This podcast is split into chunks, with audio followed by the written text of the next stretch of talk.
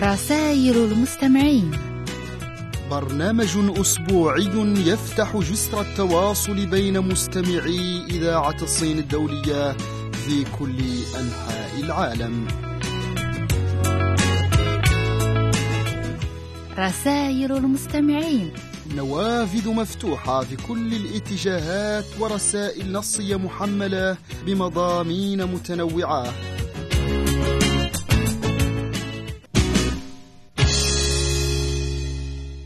سيداتي وسادتي السلام عليكم ورحمة الله وبركاته. أهلا ومرحبا بكم في حلقة جديدة من برنامجكم رسائل المستمعين. أحييكم صديقكم أسامة مختار وهذه صديقتكم شادية يوانشينغ وهيا نبدأ حلقة اليوم من برنامج رسائل المستمعين. مستمعينا الأعزاء السلام عليكم. طابت أوقاتكم بكل خير. أنا صديقتكم شادو يانشين أرحب بكم في الاستماع إلى برنامجنا الأسبوعي رسائل المستمعين.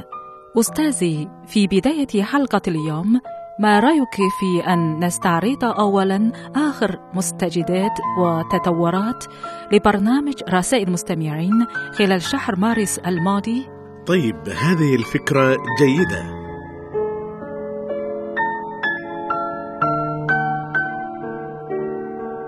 مستمعينا الكرام انعقدت الدورتان الصينيتان الاستشارية والتشريعية خلال الفترة ما بين يوم الثالث حتى يوم الخامس عشر من شهر مارس الماضي باعتبارها حدثا سياسيا كبيرا في حياة الشعب الصيني السياسية.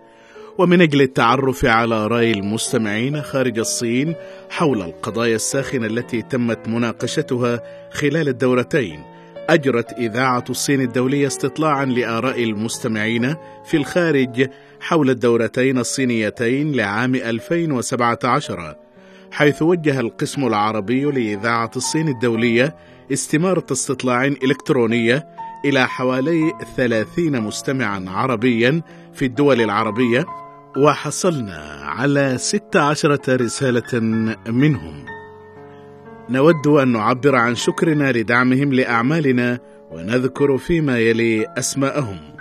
علي بن شهرة الجزائر الصحفي محمود سعد دياب من مصر ديلمي طاهر الجزائر محمد السيد عبد الرحيم من مصر عبد الرزاق القاسمي الجزائر أمير أحمد الجزائر العيد بن عامر وهران الجزائر وجوميدي محمد من الجزائر عبد الله بوي من السنغال محمد بودوخة من الجزائر عبد القادر حسن من مصر وأبو شعيب الإحساني من المغرب وبركة عبد الباسط من الجزائر وإدريس بودينا من المغرب وهو مقيم في الولايات المتحدة ناصر زيفير من اليمن وصالح عيدروس من اليمن. شكرا لكم جميعا.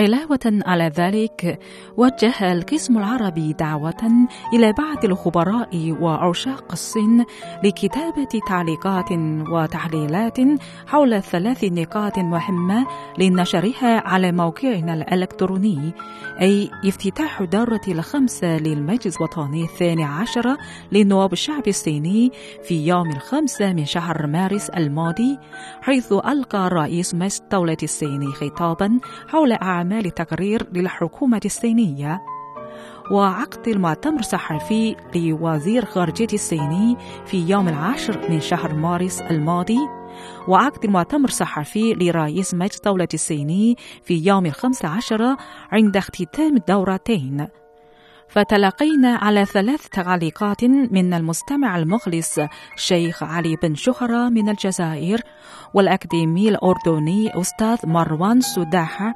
بعنوان شي جين بين في القلب ومن رئيس تحرير لموقع السن في عيون العرب الأستاذ الكبير محمود ريا ومقالته بعنوان إعادة إحياء الأمة الصينية. وتجدر الإشارة إلى أن صديقي الوفي كوميدي محمد هو فعلا مستمع مخلص للغاية.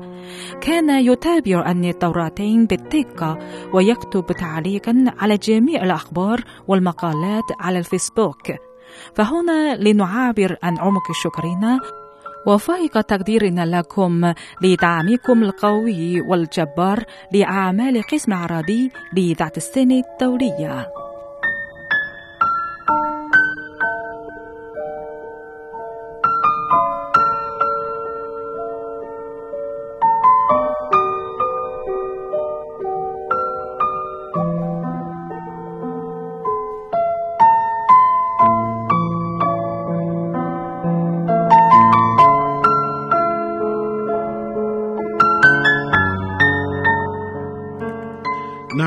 إلى جانب ذلك كتب بعض المستمعين الأصدقاء إلينا رسائل استفسار حيث قدموا إلينا مقترحات وأفكارا مفيدة تتعلق بمختلف القضايا أثناء متابعتهم برامج إذاعة الصين الدولية مثل كيفية تحسين البرامج وحل المشاكل التكنولوجية على صفحات الشبكة الإنترنت ومتى يتم إعلان نتائج المسابقة على فيسبوك إضافة إلى برامج جديدة للإذاعة وغير ذلك. ومن بينهم السيد سامي مسعد من مصر ومحمد السيد عبد الرحيم من مصر أيضا ومحمد بودوخة وديلم الطاهر من الجزائر وغيرهم. فبعثنا لهم بردود فردا فردا ورغم تأخرنا أحيانا للإجابة بسبب الأعمال اليومية الكثيرة لكننا نشكرهم على اهتمامهم بإذاعة الصين الدولية خاصة القسم العربي وبرنامج الرسائل المستمعين.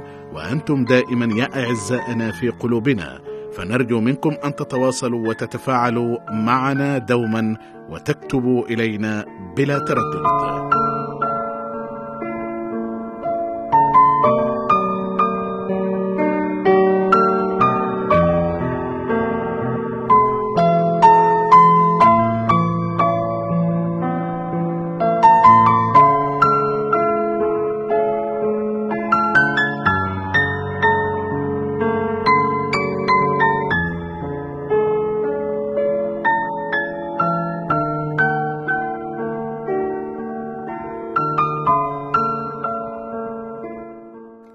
هذا وقد نظم السيد بو شعيب الإحساني وهو شاب وسيم ونشيط ويتولى منصب الرئيس نادي أصدقاء إذاعة السن الدولية بالمغرب. قد نظم توعية معرضا لنادي أصدقاء إذاعة السن الدولية يعرف بقسم العربي لإذاعة السن الدولية من أجل تعريف برامج قسم العربي وحالة البث على الموجة القصيرة وعبر الموقع إذاعة الصين الدولية وخصص حصصا جديدة لتعلم اللغة الصينية بطريقة عصرية وبيداغوجية وذلك في يوم السابع من شهر مارس الماضي بدار شباب زلاقة بمدينة خريبك المغرب. وبعد نجاح إقامة المعرض أرسل إلينا الصور الجميلة. وقد تم نشرها على موقع إذاعة الصين الدولية وعلى موقع التواصل الاجتماعي فيسبوك أيضا. هنا نود أن نعبر عن شكرنا لسيد بو شعيب إحساني على جهوده الكبيرة ونواياه الطيبة في ترويج إذاعة الصين الدولية في المغرب. وقال بو شعيب إحساني في رسالته تعتبر إذاعة الصين الدولية إذاعة الحرية والسلام والصداقة والمحبة بين شعوب العالم. كما أرجو أن تستمر مسيرتكم العظيمة من أجل التقدم لتحقيق أهدافكم النبيلة فشكرا جزيلا لك ونتمنى أن تنظم مزيدا من النشاطات في نادي أصدقاء إذاعة الصين الدولية في المستقبل.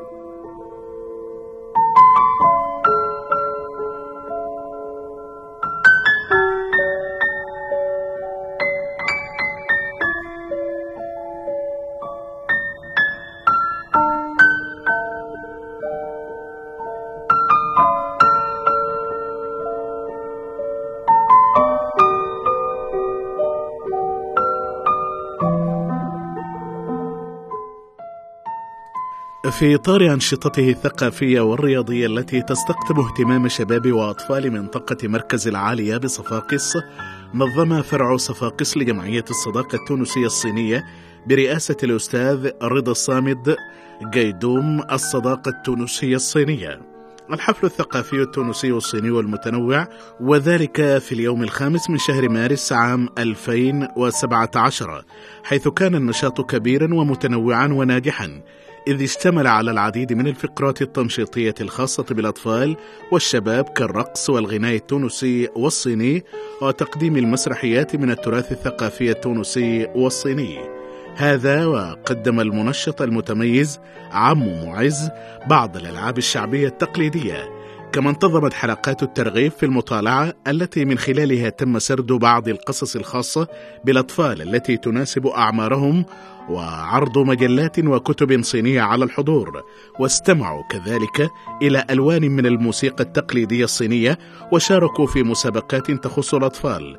حضر هذا الحفل البهيج الأستاذ عبد الله العفاس مدير قسم المبيعات لدار النشر الصينية سينو لونغوا والأستاذ الصيني شين باو بينغ مدرس اللغة الصينية والمدرب والحكم الدولي لرياضة كونفو الووشي رشدي الحاج ساسي وجمع غفير من الأولياء الذين يصطحبون أبنائهم.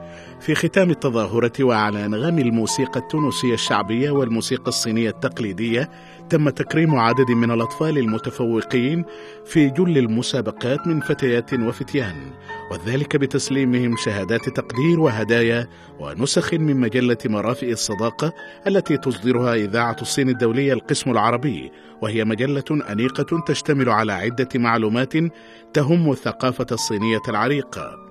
شكرا لعلي ناظم الفقي وحمادي الطرابلسي من نادي صفاقس التونسي العريق الذي يحمل اسم فرع صفاقس لجمعية الصداقة التونسية الصينية برئاسة الأستاذ رضا الصامت. ودامت الصداقة التونسية الصينية بجهودكم الكبيرة.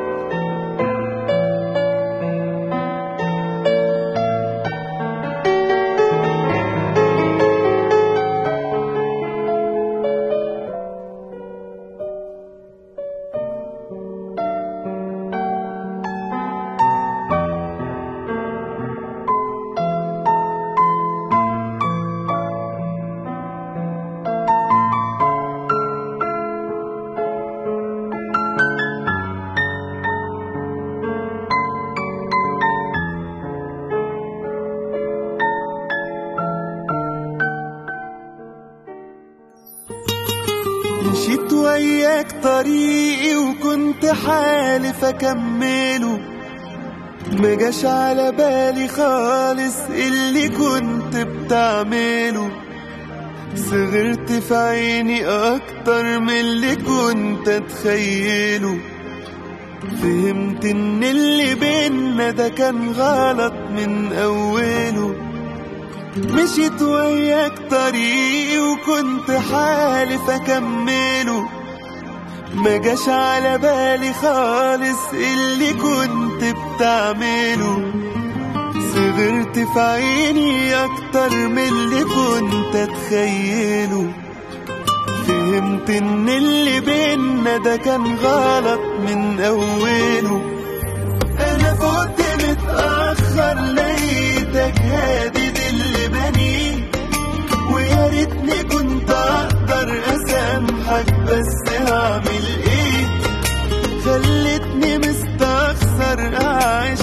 حتى لو ليومين أنا كنت مستني تشيلني جوا حضن عينيك وطلعت بتخوني ولسه عايزني ابقى عليك الغلطة مش مني ومحدش عارف الخير فين مشيت وياك طريقي وكنت حالف اكمله جاش على بالي خالص اللي كنت بتعمله. صغرت في عيني أكتر من اللي كنت أتخيله. فهمت إن اللي بينا ده كان غلط من أوله.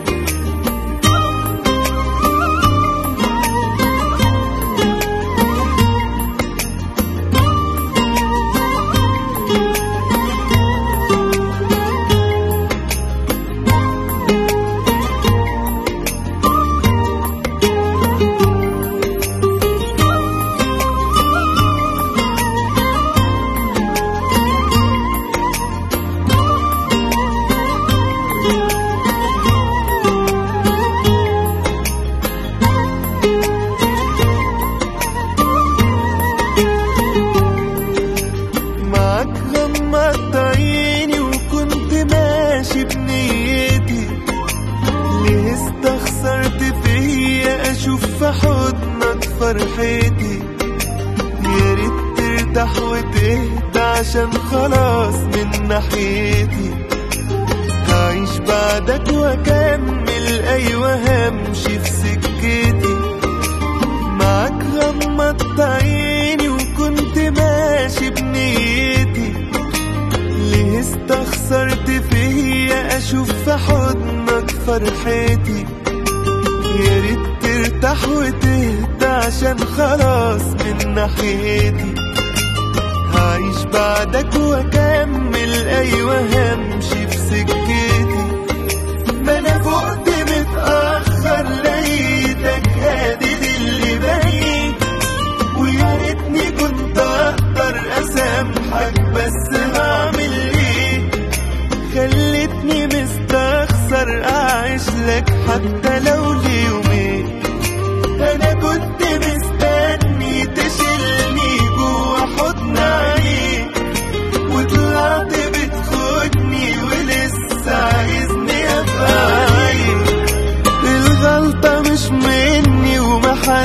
ومحدش عارف الخير فين. مشيت وياك طريقي وكنت حالف أكمله. ما جاش على بالي خالص اللي كنت بتعمله. صغرت في عيني أكتر من اللي كنت أتخيله. فهمت إن اللي بينا ده كان غلط من أوله.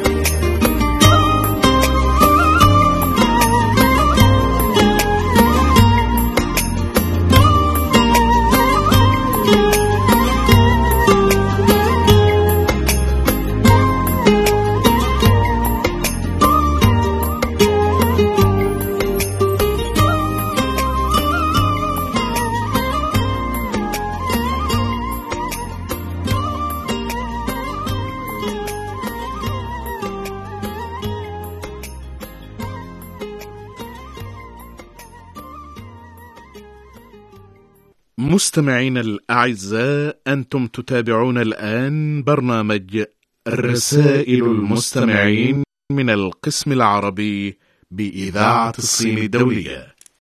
سيداتي وسادتي وإلى هذه الرسالة المشتركة من محمد بودوخة وعبد القادر حري من تيرات. يقول السلام عليكم. بادئ ذي بدء أتقدم إليكم بهذه المساهمة والمشاركة الذي أبى عبد القادر حوري من ولاية تيرات إلا أن تكون مشتركة بيني وبينه ولبيت له ذلك. يقول من رائد المراسلة عبد القادر حوري من تيرات السلام على جميع طاقم إذاعة الصين الدولية وإلى المذيع أسامة مختار. شكرا تحية خاصة يا شادي. وأيضا تحية لك. ولكم مشاركتي ما دمت على قيد الحياة. أيها الناس اتقوا الله وخذوا من تعاقب الليالي والأيام وتصرم الشهور والأعوام. أعظم العبر وأبلغ العظات لتنتفعوا من ذلك ما دمتم على قيد الحياة بالتوبة إلى الله من الزلات والاجتهاد في أنواع الطاعات والمنافسة في جليل القربات وما يوصل إلى رفيع الدرجات قبل الفوات وحصول الحسرات على عظيم الهفوات. صديقكم الدائم بإذن الله محمد بودوخة ولاية الصيف الجمهورية الجزائرية وشكرا لعبد القادر حري على هذه الرسالة المليئة بالسجع. يا شادية دائما هناك في اللغة العربية ما يسمى بالسجع والجناس وال يعني الفنون البلاغية الجميلة. وهذا سجع جميل زلات هفوات طاعات حسرات. فتكون الرسالة. نعم جميلة. شك شكرا لهما مرة أخرى محمد بودوخة وعبد القادر حري.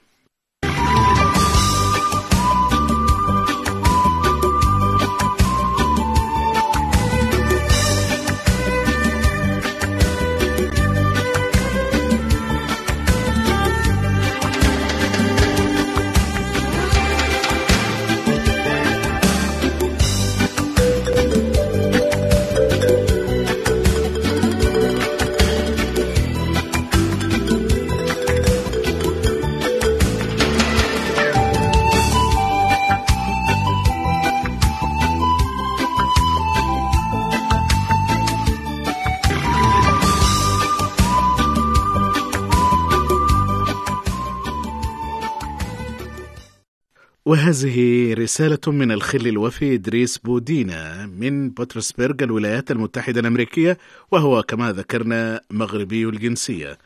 كنا قد استعرضنا في رسالة سابقة جزءا من مساهماته وهذا هو الجزء الآخر من رسالته من شعر نزار قباني بعنوان القبلة الأولى. يقول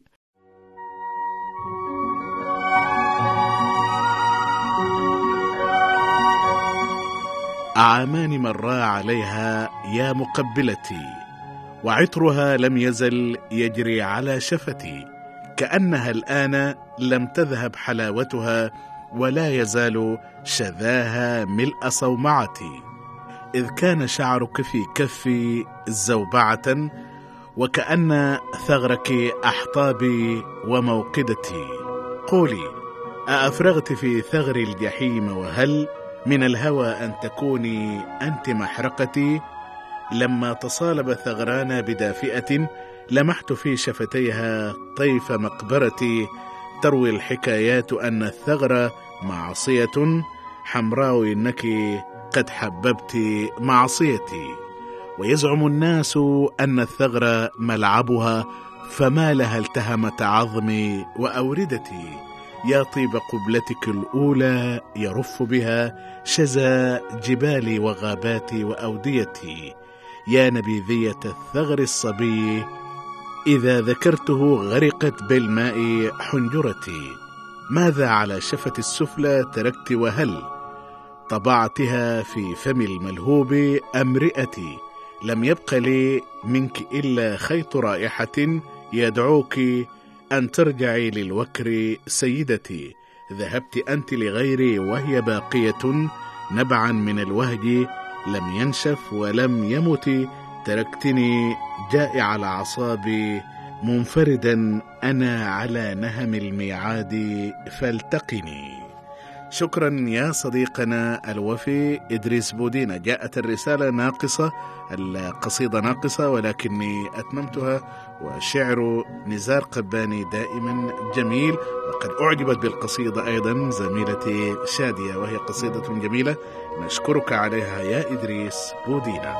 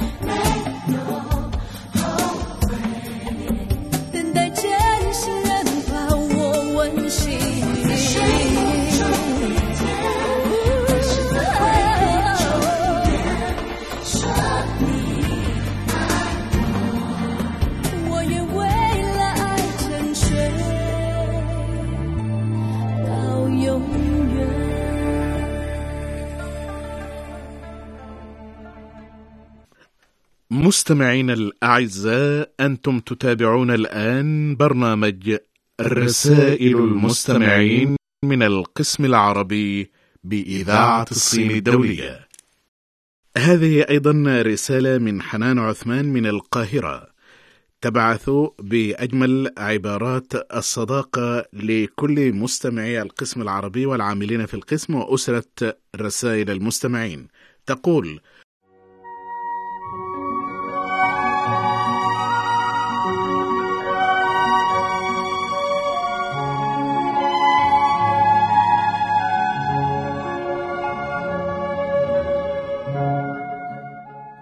تعد الصداقة من أكبر النعم التي قد يحصل عليها الإنسان، فعن طريقها يشعر الشخص بالأمان لأن هناك شخص يقف بجانبه ويسانده في المواقف الصعبة التي قد تواجهه. يسعدني أن أرسل لكم أجمل العبارات التي تتحدث عن الصداقة. ليست تعارفا بين أشخاص وحفظ أسماء وابتسامات وزيارات وروايات يتبادلها الأفراد فيما بينهم. الصداقة مدينة مفتاحها الوفاء وسكانها الأوفياء. الصداقة شجرة بذورها الوفاء وأغصانها الأمل وأوراقها السعادة. زهرة لا بد أن نرويها بماء الوفاء ونحيطها بتراب الإخلاص حتى تظل دائما كلمة صغيرة تحمل في جوفها معاني كثيرة ومفاهيم واسعة كالمظلة كلما اشتد المطر كلما ازدادت الحاجة إليها.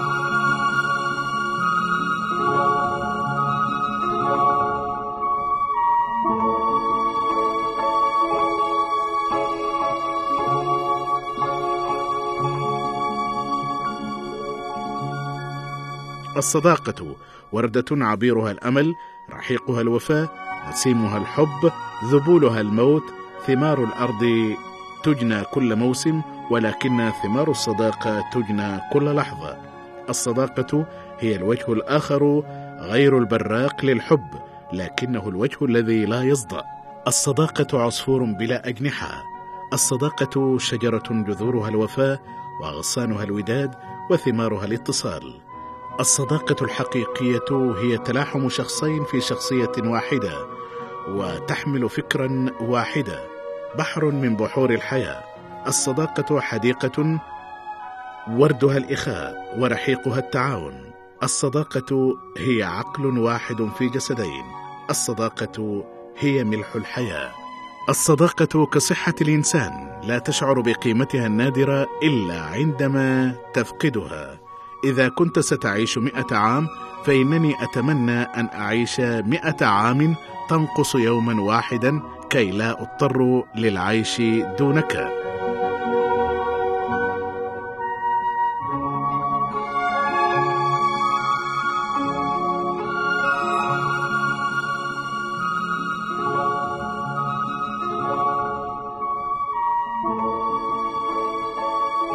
الصداقة ود وإيمان والصداقة أرض زرعت بالمحبة وسقيت بماء المودة.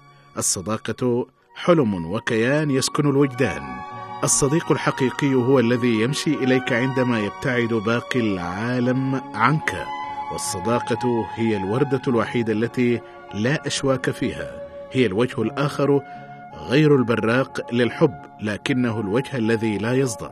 الصديق هو الشخص الذي يعرف أغنية قلبك ويستطيع أن يغنيها لك عندما تنسى كلماتها.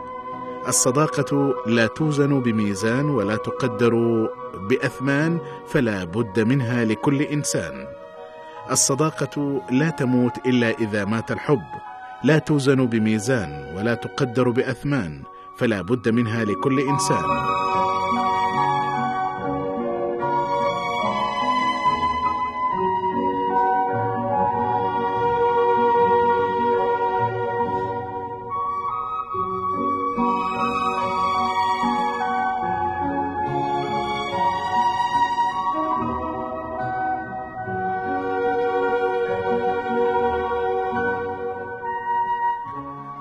إذا قرر أصدقائي القفز من فوق الجسر فإنني سوف لن أقفز معهم ولكن سوف أنتظرهم تحت الجسر لأتلقاهم.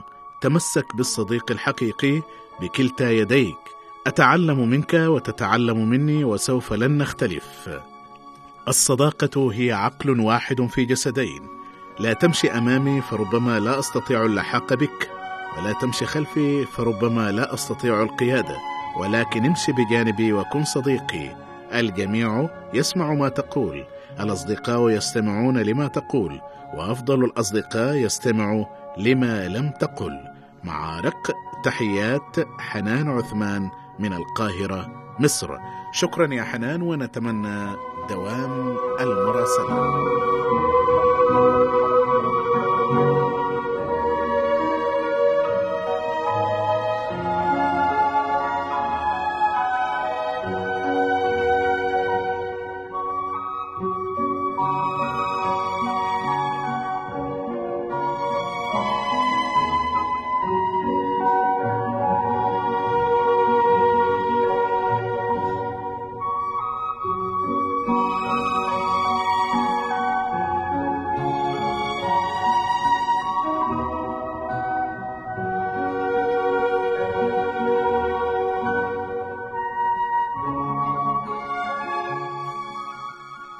وهذه رسالة من عموري عبد الواحد الساكن بتطوين الخراس بلدية أنزجمير من ولاية أضرار. يقول السلام عليكم من الجزائر طبعا.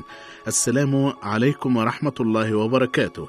بداية أزف أسمع عبارات التقدير والاحترام. لكل طاقم إذاعة الصين الدولية خاصة القسم العربي وإلى مقدمي برنامج رسائل المستمعين. أطال الله في أعماركم وأدام لكم الصحة والعافية. معكم المستمع القديم والجديد عمور عبد الواحد. ها أنا أرفع قلمي بعد مدة غياب لأكثر من عشر سنوات يقول يا شادية. هذه كثيرة يا عموري. عشر سنوات تقريبا أكتب لكم وقلبي متأسف على القطيعة الكبيرة. رغم أني تلقيت عدة رسائل من إذاعتكم خلال هذه المدة وإن دل هذا على شيء فإنما يدل على محبتكم وصدق مشاعركم واهتمامكم البليغ بتقوية جسور الصداقة بين دول العالم كلها وجمهورية الصين الشعبية. والله أنا أكتب الآن وأتذكر تلك الأيام الجميلة التي قضيتها في التواصل معكم وتلك الرسائل التي تفننت في كتابتها بخط يدي. كذلك لا أنسى رسائلكم وهداياكم التي كانت دائما تصلني ولا أستطيع أن أصف لكم تلك الفرحة والمشاعر التي كانت تغمرني عندما أتلقى رسائلكم وعند فتحها وقراءة ما بداخلها. كان أفراد عائلتي وأصدقائي يفرحون كذلك لتواصلكم معي إلى يومنا هذا. أفراد العائلة والأصدقاء يسألونني عن إذاعتكم بهذا السؤال لماذا أوقفت التواصل مع إذاعة الصين الدولية؟ ونحن أيضا نسألك لماذا أوقفت الرسائل معنا يا عموري عموما أحييك أنا أسامة مختار وزميلتي شادية ونتمنى أن تتواصل معنا. وأخيرا نشكرك جزيل الشكر ونتمنى يعني دوام التواصل. يقول في النهاية لا أنسى نقدم تحيات الخالصة إلى جميع المستمعين الأوفياء لإذاعة الصين الدولية. نحن نشكرك مرة أخرى وإن دل يعني تواصلك معنا هذه المرة بعد انقطاع عشر سنوات أيضا يدل على وفائك لنا. فنتمنى أن تتواصل معنا يا عموري عبد الواحد من تطوين الخراس بلدية إنزجمير ولاية درار من الجزائر وأتمنى أن أكون قد نطقتها صحيحة. شكرا لك.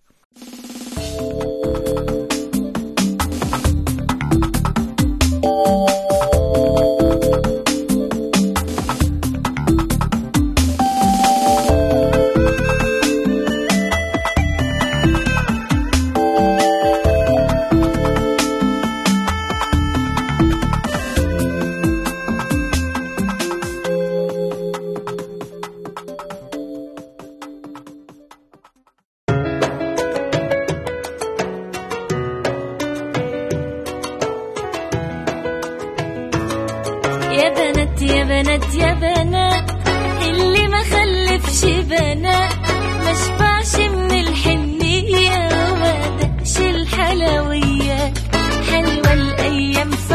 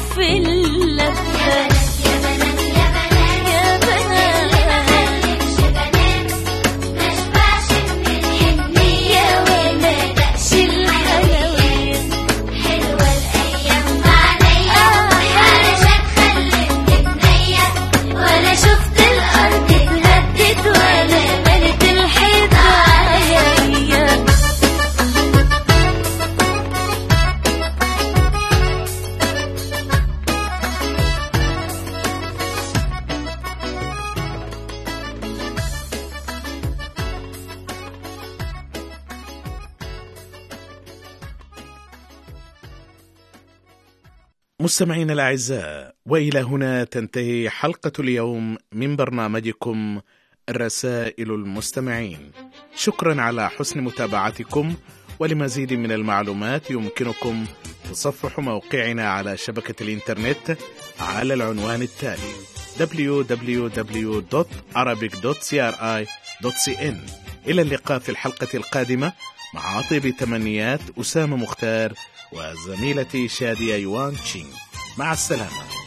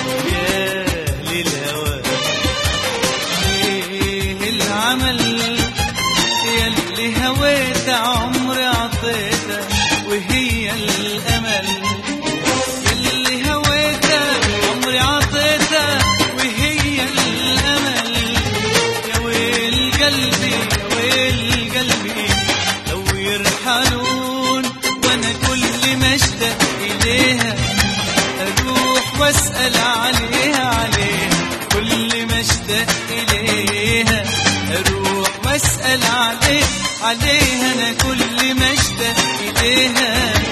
أروح وأسأل عليه عليه كل ما اشتاق إليها. أروح وأسأل عليه عليه يجاوبني عليها يجاوبني عليها. ارحل يا حبيبي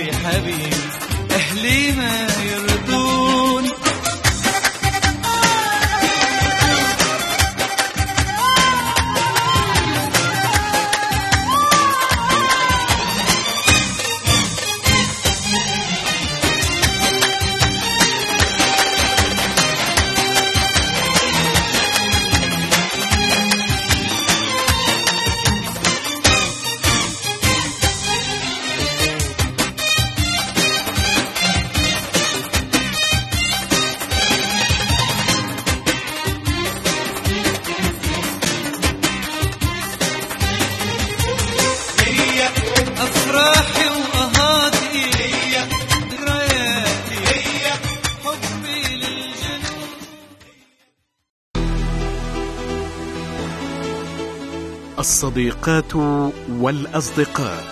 مرحبا بكم في متابعة البرامج الجديدة لأسرة القسم العربي بإذاعة الصين الدولية.